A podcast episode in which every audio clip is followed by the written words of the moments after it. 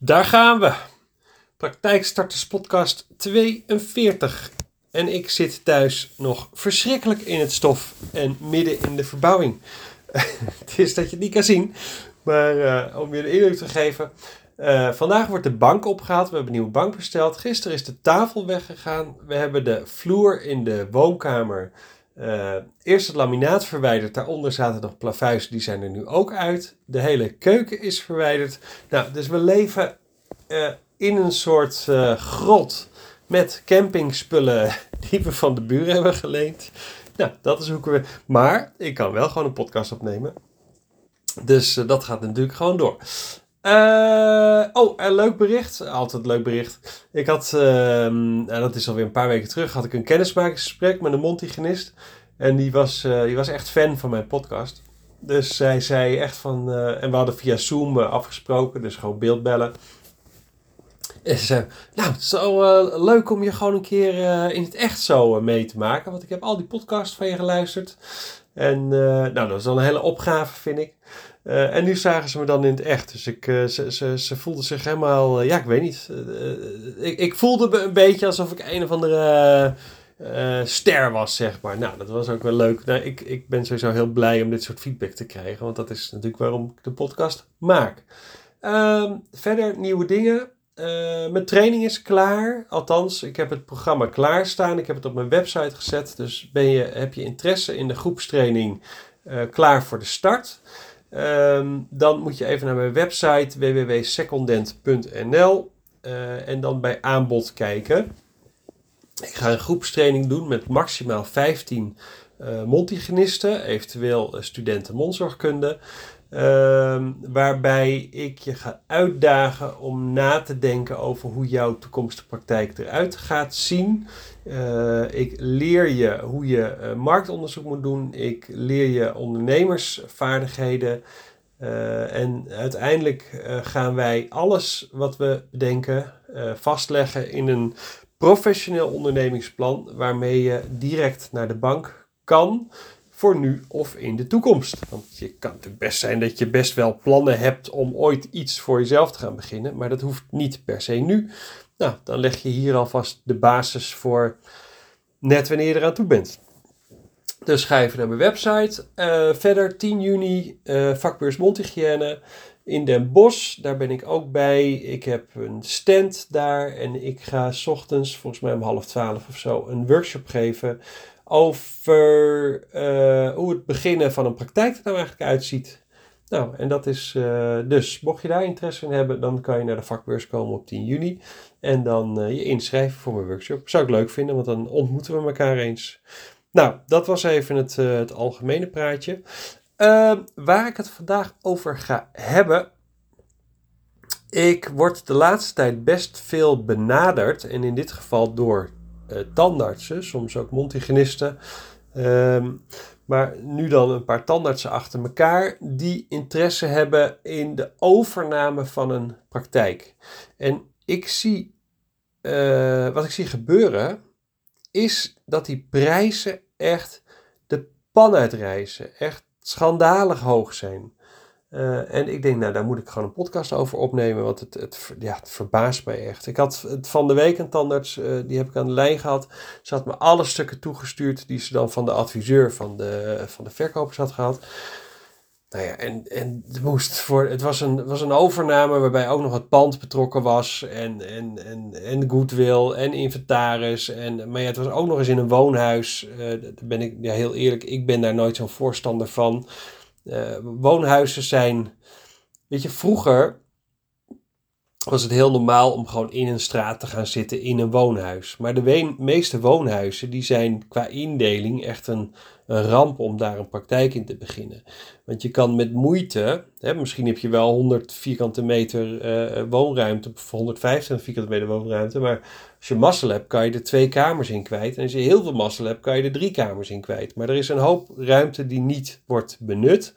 Um, Daarnaast uh, heb je je praktijk over twee verdiepingen. Dus je moet bepalen waar, waar laat ik de sterieruimte. Uh, kunnen mensen die slechter been zijn, de, hoe, hè, die, die krijg je niet naar boven. Dus die moeten wel beneden behandeld worden. Dus je bent ja, toch beperkt in, in waar je je patiënten gaat behandelen. Dus ja, ik heb al eerder, een paar jaar terug, een keer ben ik betrokken geweest. Dat was ook een praktijkovername in een woonhuis. Nou, en die uh, tandarts, die, zegt, die zei zelf al van, joh, dat huis, ja, daar heb ik jaren mijn praktijk gehad. Maar eigenlijk is het gewoon helemaal niet geschikt qua indeling. Dus wat die deed, die verkocht zijn uh, patiëntenbestand uh, en inventaris. en los daarvan verkocht hij het pand. Nou, dat was eigenlijk een veel beter plan, want mijn klant, dus de, de eventuele koper, die zegt van nou, ik heb sowieso een ander pand op het oog, dus ik heb juist interesse in het patiëntenbestand en wellicht de inventaris. Het is maar net hoe oud het is en of je het überhaupt kan gebruiken. Um, dus die wilde dat patiëntenbestand wel verhuizen naar haar eigen locatie toe. Ehm, en die tandarts die was ook, die verkocht, die was ook bereid om, ehm, om dan nog even een aantal maanden in, in, op haar locatie te gaan werken. Zodat ja, de, samen met hem, zeg maar, de patiënten ook naar die nieuwe locatie werden uh, geleid. Nou, dat heb ik vaker bij een woonhuis. Dat ik denk van ja, weet je, de meeste woonhuizen die, die zijn ooit ontstaan als praktijk. Uh, dat betekent niet dat ze nu nog steeds daarvoor uh, geschikt zijn. Tenzij ze zo zijn aangepast dat je er echt wel een, een volwaardige drie of misschien vier kamerpraktijk in kwijt kan. Nou, als dat niet zo is, dan is het, dan is het realistischer om te zeggen, joh, ik, ik uh, neem het patiëntenbestand over, ik uh, wellicht de inventaris en ik verhuis de hele boel naar een nieuwe locatie. Maar goed, deze praktijk, die werd als geheel verkocht, dus inclusief pand. Um, nou ja, en daar, volgens mij moest, moest daar iets van 6,5 ton voor betaald worden, maar nou ja, ik heb het taxatierapport gezien van de inventaris. Dat was echt schandalig hoog. Uh, en ik zal niet al te veel in detail treden, want ik, ik dus, nou ja, jullie kennen me inmiddels. Ik ben zo discreet als wat, dus ik, ik zal nooit iets hier roepen wat, wat leidt naar herkenning van een bepaalde praktijk of persoon of onderneming. Uh, dus ik zal ook in deze podcast nog wat dingen zeggen over, uh, over andere adviseurs en organisaties. Uh, maar ik zal nooit zeggen van nou, dat, dat is die en die. Ehm, maar goed, deze praktijk die stond dus te koop voor, voor 6,5 ton. Die inventaris die was echt vet hoog gewaardeerd. Waarbij echt een, een stoel uit 2010, geloof ik nog voor 9000 euro op de lijst stond. En een stoel waar niet eens een bouwjaar bij stond. Maar ik zag al aan het merk dat die heel oud was daar was nog 5000 euro voor, voor begroot. En nou, meer van dat soort dingen, dat ik denk van, ja, dat is allemaal al lang afgeschreven. Dat, zelfs in het vrije verkeer, nou ja, tuurlijk. Weet je, als hij het nog doet, um, dan kan je er heus wel 500 euro voor krijgen, maar geen 5000 euro voor krijgen. Uh, en ik, ja, ik heb natuurlijk voor Dental Depot gewerkt. Het is vaak zo met oude stoelen, zolang ze blijven staan waar ze staan, dan blijven ze toch wel even doen. Maar ga je ze verhuizen, nou dan gaat ineens alles stuk en de schroeven willen niet los en er breekt wat af en weet ik veel. En hij lekt alleen nog maar op de nieuwe locatie. Dus het verhuizen van zijn oude stoel is meestal niet, uh, niet ideaal. Maar goed, dat was dus een behoorlijk aandeel. Uh, ook het pand was, was echt wel vet hoog gewaardeerd. Want kijk, tuurlijk moet je kijken naar. Hè, de makelaar had het wel getaxeerd. Uh, maar het, hij taxeerde het eigenlijk als een woonhuis. En zelfs voor een woonhuis was het redelijk hoog getaxeerd. Um, want, want, er zitten natuurlijk altijd in zo'n taxatierapport altijd vergelijkbare panden in de buurt die ook zijn verkocht. En ze kijken naar de WOZ-waarde, nou, dat soort zaken. Maar voor de staat van het pand, en er moest echt heel veel aan gebeuren. En heel veel is, is denk ik minimaal een ton à anderhalve ton om het een beetje naar wens te maken. Uh, aan verbouwingskosten bedoel ik. Dus daarom was het pand gewoon te hoog gewaardeerd. Uh, en het is niet een woonhuis, het is een praktijk. Althans, het is nog steeds een woonhuis, maar het heeft een vergunning om daar een praktijk te hebben. Althans, zeg ik, ik heb die vergunning nog niet gezien, dus dat was een van de vragen op mijn lijstje. Heeft die praktijk een vergunning om daar praktijk te mogen zijn?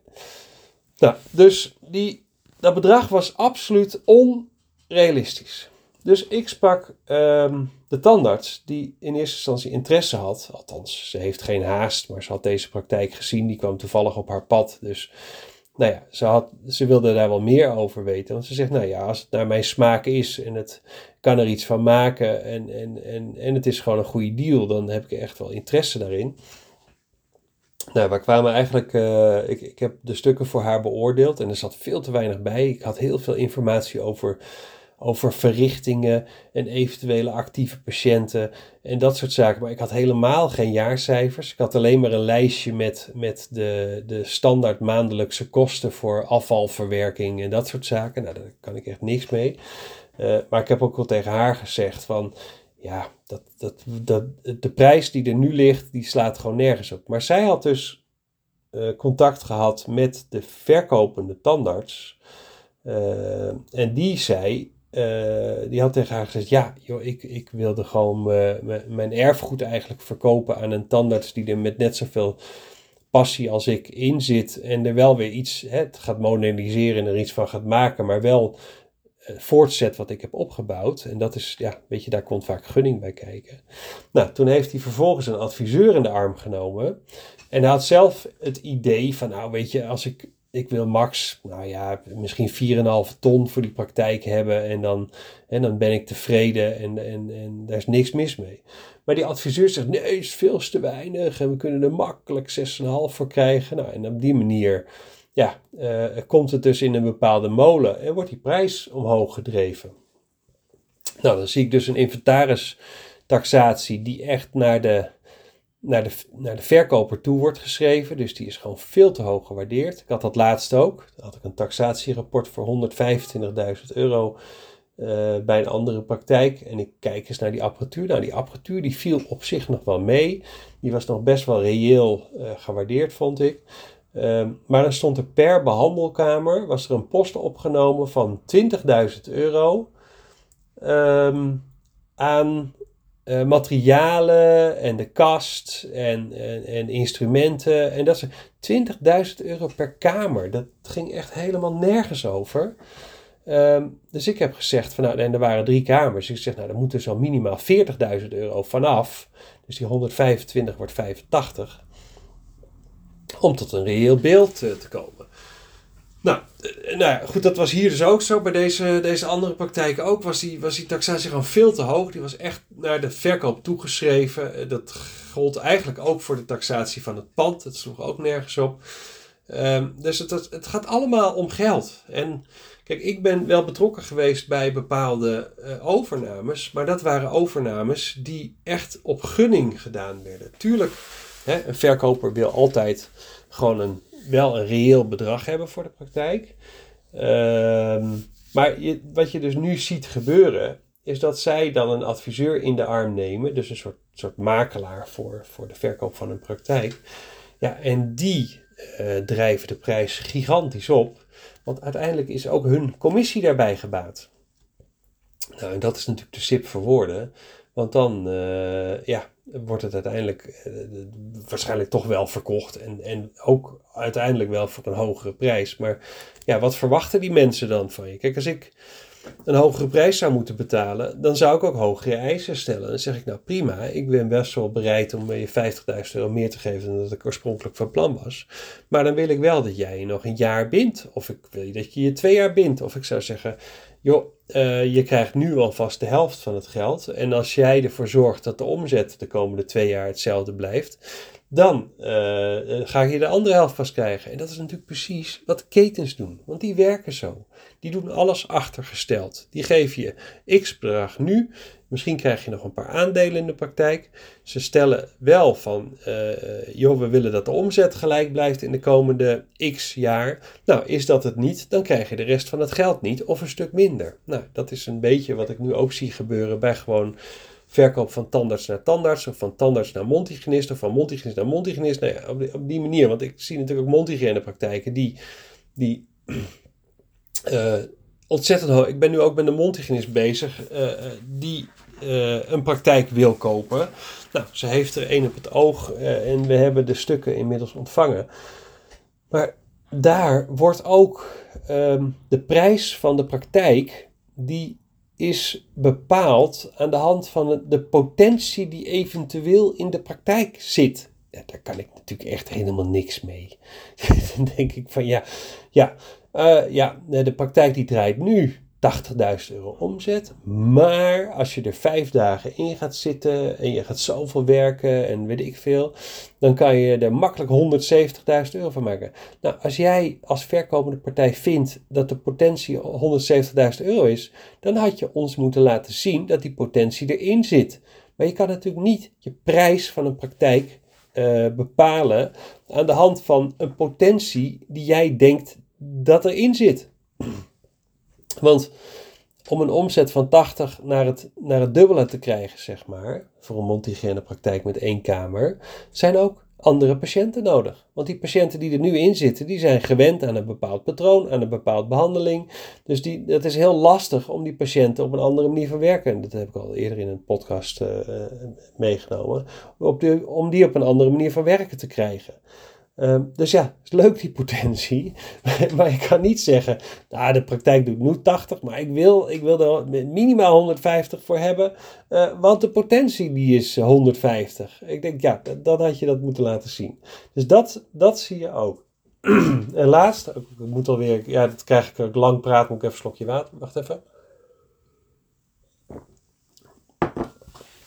Ik heb laatst dus een verhaal gehoord, dat was helemaal verschrikkelijk. Ehm, van een tandarts die ik ken en die, daar ga ik al een tijd mee om. En binnen zijn, uh, zijn jaargenoten, ik moet even kuchen, ik zet hem even op pauze hoor, twee seconden. Zo, dat was mijn korte pauze. Anders had het echt uh, niet geklonken, had je zo afgehaakt. Nee, ik sprak dus een tandarts die ik al een tijdje ken. En die had twee, uh, twee studiegenoten van hem, die spreekt hij af en toe nog wel eens. Die waren alle twee bezig met dezelfde uh, praktijk. Maar dat wisten ze niet van elkaar. Dus uh, nou, ze hadden alle twee interesse in die praktijk. En ze hadden alle twee ook een bod uitgebracht op die praktijk. En op een gegeven moment belt de adviseur van de verkoper. Die belt dus met uh, een van die mannen. Uh, en die zegt, joh, ik heb nu, ik heb van een andere partij heb een bod binnen van, uh, ik, weet niet wat voor bedrag het ging, maar zeg, ik heb een bod binnen van drie ton. Maar die, die andere kandidaat, die had helemaal geen drie ton geboden, die had 2,50 geboden of zo. Maar goed, nu dachten ze, oh ja, drie ton. Nou ja, ja, als ik nou op 3,20 ga zitten, hè, uh, hoe uh, is dat dan? Nou, toen zei die adviseur, nou, ik ga het overleggen met mijn, met, met, mijn cliënt, met, met de verkopende tandarts. Nou, toen belde die dus weer die andere. Ja, en ik heb van die en die een bod gekregen van 3,30. Nou, en zo was die adviseur dus bezig om die praktijkprijs op te drijven, zonder dat de twee geïnteresseerde tandartsen voor die praktijk dat wisten en zonder dat de verkopende tandarts dat wist. Dus dan denk ik van jongens, jongens, jongens, zijn we nou echt serieus alleen maar in eigen belang uh, dit, soort, dit soort dingen aan het doen? En uh, nou, ik, ik echt een sip voor worden. Maar deze twee mannen, die troffen elkaar dus weet je, af en toe hebben ze zo'n reunie dat ze weer eens bij elkaar komen. En toen daar troffen ze elkaar. En toen kwamen ze tot de ontdekking dat ze dus op dezelfde prijs aan het bieden waren geweest. Want ze zijn, uiteindelijk hebben ze het alle twee niet gedaan. Gelukkig. Ehm, en dat, dat er dus um, nepbiedingen aan ze werden voorgelegd. Die dus, dus helemaal niet daar waren. Alleen maar om de prijs omhoog te drijven. Dus er worden zulke vieze spelletjes gespeeld. Ik heb een, uh, dat is denk ik een jaar of anderhalf jaar geleden, ook een keer contact gehad met een adviseur die alleen maar praktijken verkoopt. Nou, ik dacht, dat is mooi, want uh, ik, uh, ik verkoop niet. Ik doe alleen aankoop. Ik begeleid bij het kopen van een praktijk en niet bij het verkopen van een praktijk. Dus ik zei tegen hem, nou mooi, jij hebt aanbod, ik heb vraag. Dus als we A en B nou bij elkaar brengen en jij stuurt gewoon jouw klant een factuur en ik stuur mijn klant een factuur, nou, dan zijn we er. Maar daar had hij helemaal geen interesse in.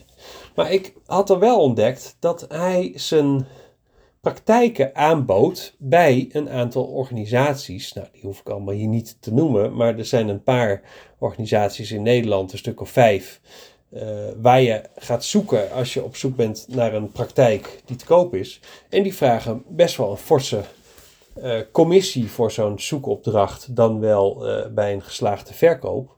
Ehm, de, maar daar zette hij dan ook de praktijken neer die hij in de verkoop had. Ehm, en toen dacht ik later van, oh ja, hij krijgt natuurlijk ook weer geld van die organisaties. En dus alles is geld, geld, geld. En dat is echt wel te sip voor woorden. Dus als ik, als ik word, benaderd door dat. Dus ik heb van de week die tandarts geadviseerd. Ik zeg, nou, hier kom je gewoon niet met elkaar uit. Die prijs is, is zo absurd hoog. Uh, dat gaat hem niet worden. Uh, ik had laatst een andere tandarts, die heb ik ook geadviseerd om het niet te doen. Althans, uh, de, de, haar werd een praktijk aangeboden. ik heb daar wel de jaarcijfers van ontvangen. Maar daar werd de winst uh, fictief hoog gehouden. Want de, de, de eigenaar van de praktijk, was ook een tandarts, uh, die haalde niet enorm veel salaris uit de, uh, uit, uit de praktijk, zeg maar. Daardoor uh, was de winst hoger. En met zo'n hoge winst, uh, en als hij dan vijf dagen werkt, ja, dan wordt die prijs natuurlijk helemaal fors. Dus uiteindelijk was de vraagprijs voor die praktijk was 6,5 ton, geloof ik. Nou, toen heb ik ook tegen mijn klant gezegd, dus die, die, de tandarts die interesse had om die praktijk te kopen. Ik zeg, nou, deze praktijk is max 3,5 ton waard. Als je hem echt heel graag wil hebben, 4. Maar meer dan dat uh, moet je echt niet willen doen. Dus ik, ik heb ook die adviseur gebeld. En die kent me wel, die vindt me volgens mij sowieso niet zo aardig. Ik zeg, nou ja, ik zeg, we willen wel een bod uitbrengen, absoluut. Want ze heeft absoluut interesse om die praktijk over te nemen, dat is het probleem niet. Alleen het bod ligt wel wat lager dan de vraagprijs, want ja, die is 6,5 ton. En uh, ja, wij bieden 3,5. Nou, hij zegt, nee, ik heb al veel hogere biedingen en uh, dat ga ik echt niet doen. En uh, nou, toen had ik zo'n discussie met hem. Nou, dus dat hebben we ook weer laten schieten. Dus als ik word benaderd door de mondhygiënisten of tandartsen die interesse hebben om een praktijk te verkopen en, en willen dat ik daar gewoon even mijn mening en beoordeling op geef. En, en soms pak ik het over en dan doe ik ook het contact met de, uh, met de verkopende adviseur. Um, zeg ik er gelijk al bij van ja, hou er rekening mee um, dat het hem niet gaat worden. Want als er een adviseur tussen zit, dat zijn over het algemeen mensen die die prijs allemaal omhoog drijven. En ik ga er naar kijken van, joh, wat zou reëel zijn? Maar reëel en wat ervoor gevraagd wordt, ligt vaak zo ver uit elkaar dat ik vaak al zeg van, nou, als je echt graag een praktijk wil, zoek dan uh, een tandarts die uh, bereid is om misschien niet nu, maar over een jaar of twee jaar te verkopen. Ga daar alvast werken en maak afspraken over hoe die overname er eventueel uit zou kunnen zien. Want als je namelijk op die manier al tot elkaar weet te komen, um, dan hoeft er niet nog een extra adviseur tussen. Ik heb zo één keer een mondhygiënepraktijk uh, ja, per ongeluk verkocht, was het eigenlijk. Uh, omdat ik, ik, ik had al contact met, met de mondhygiënist die hem wilde verkopen. Maar goed, ik, ik, ik, dat deed ik verder niet voor haar, maar ik wist dat zij een praktijk in de verkoop had. En toen werd ik gebeld door iemand die, die zocht een praktijk om te kunnen kopen. Ik zeg, nou, ik weet er nog wel één. En uh, ik kan jullie eventueel met elkaar in contact brengen. Nou, dat heb ik dus gedaan. Die hebben contact met elkaar gehad. En die waren er eigenlijk met elkaar heel snel uit. Dus de vraagprijs, die, die, ze waren, zij was bereid om de vraagprijs te betalen, zeg maar, die die wilde hebben. En ze waren het heel snel eens over hoe lang moet dan iemand nog aanblijven en voor hoeveel dagen. Dus, dus die waren het zo met elkaar eens dat ik zeg van nou prima, dan maak ik toch gewoon even de, de officiële documenten en de, de overeenkomst van praktijkoverdracht, zo heet die. Um, nou, en dat heb ik toen gedaan. Dus, dus als het op zo'n manier gaat, um, dan betaal jij een realistische prijs, dan krijgt de verkopende uh, tandarts of mondhygiënist krijgt ook gewoon uiteraard, want die gaan we niet uitkleden, dat moet ook gewoon reëel zijn. Die krijgt ook gewoon een mooie reële prijs voor de praktijk, maar niet een overdreven, opgeklopte safebel-prijs die, die het gewoon helemaal niet waard is. Nou, en dan ga je echt op basis van gunning die praktijk overnemen. En dat is, dat is waar ik echt uh, naartoe wil. Want, want al die, die prijsopdrijvers, ik denk ja, het is zo zonde. Want uiteindelijk gaan al die praktijken straks gewoon uh, verloren. En het allerergste, dat is nog het allerergste, dat ben ik toch nog even kwijt. Ik weet, net als, neem maar die praktijk van, uh, van 6,5 ton.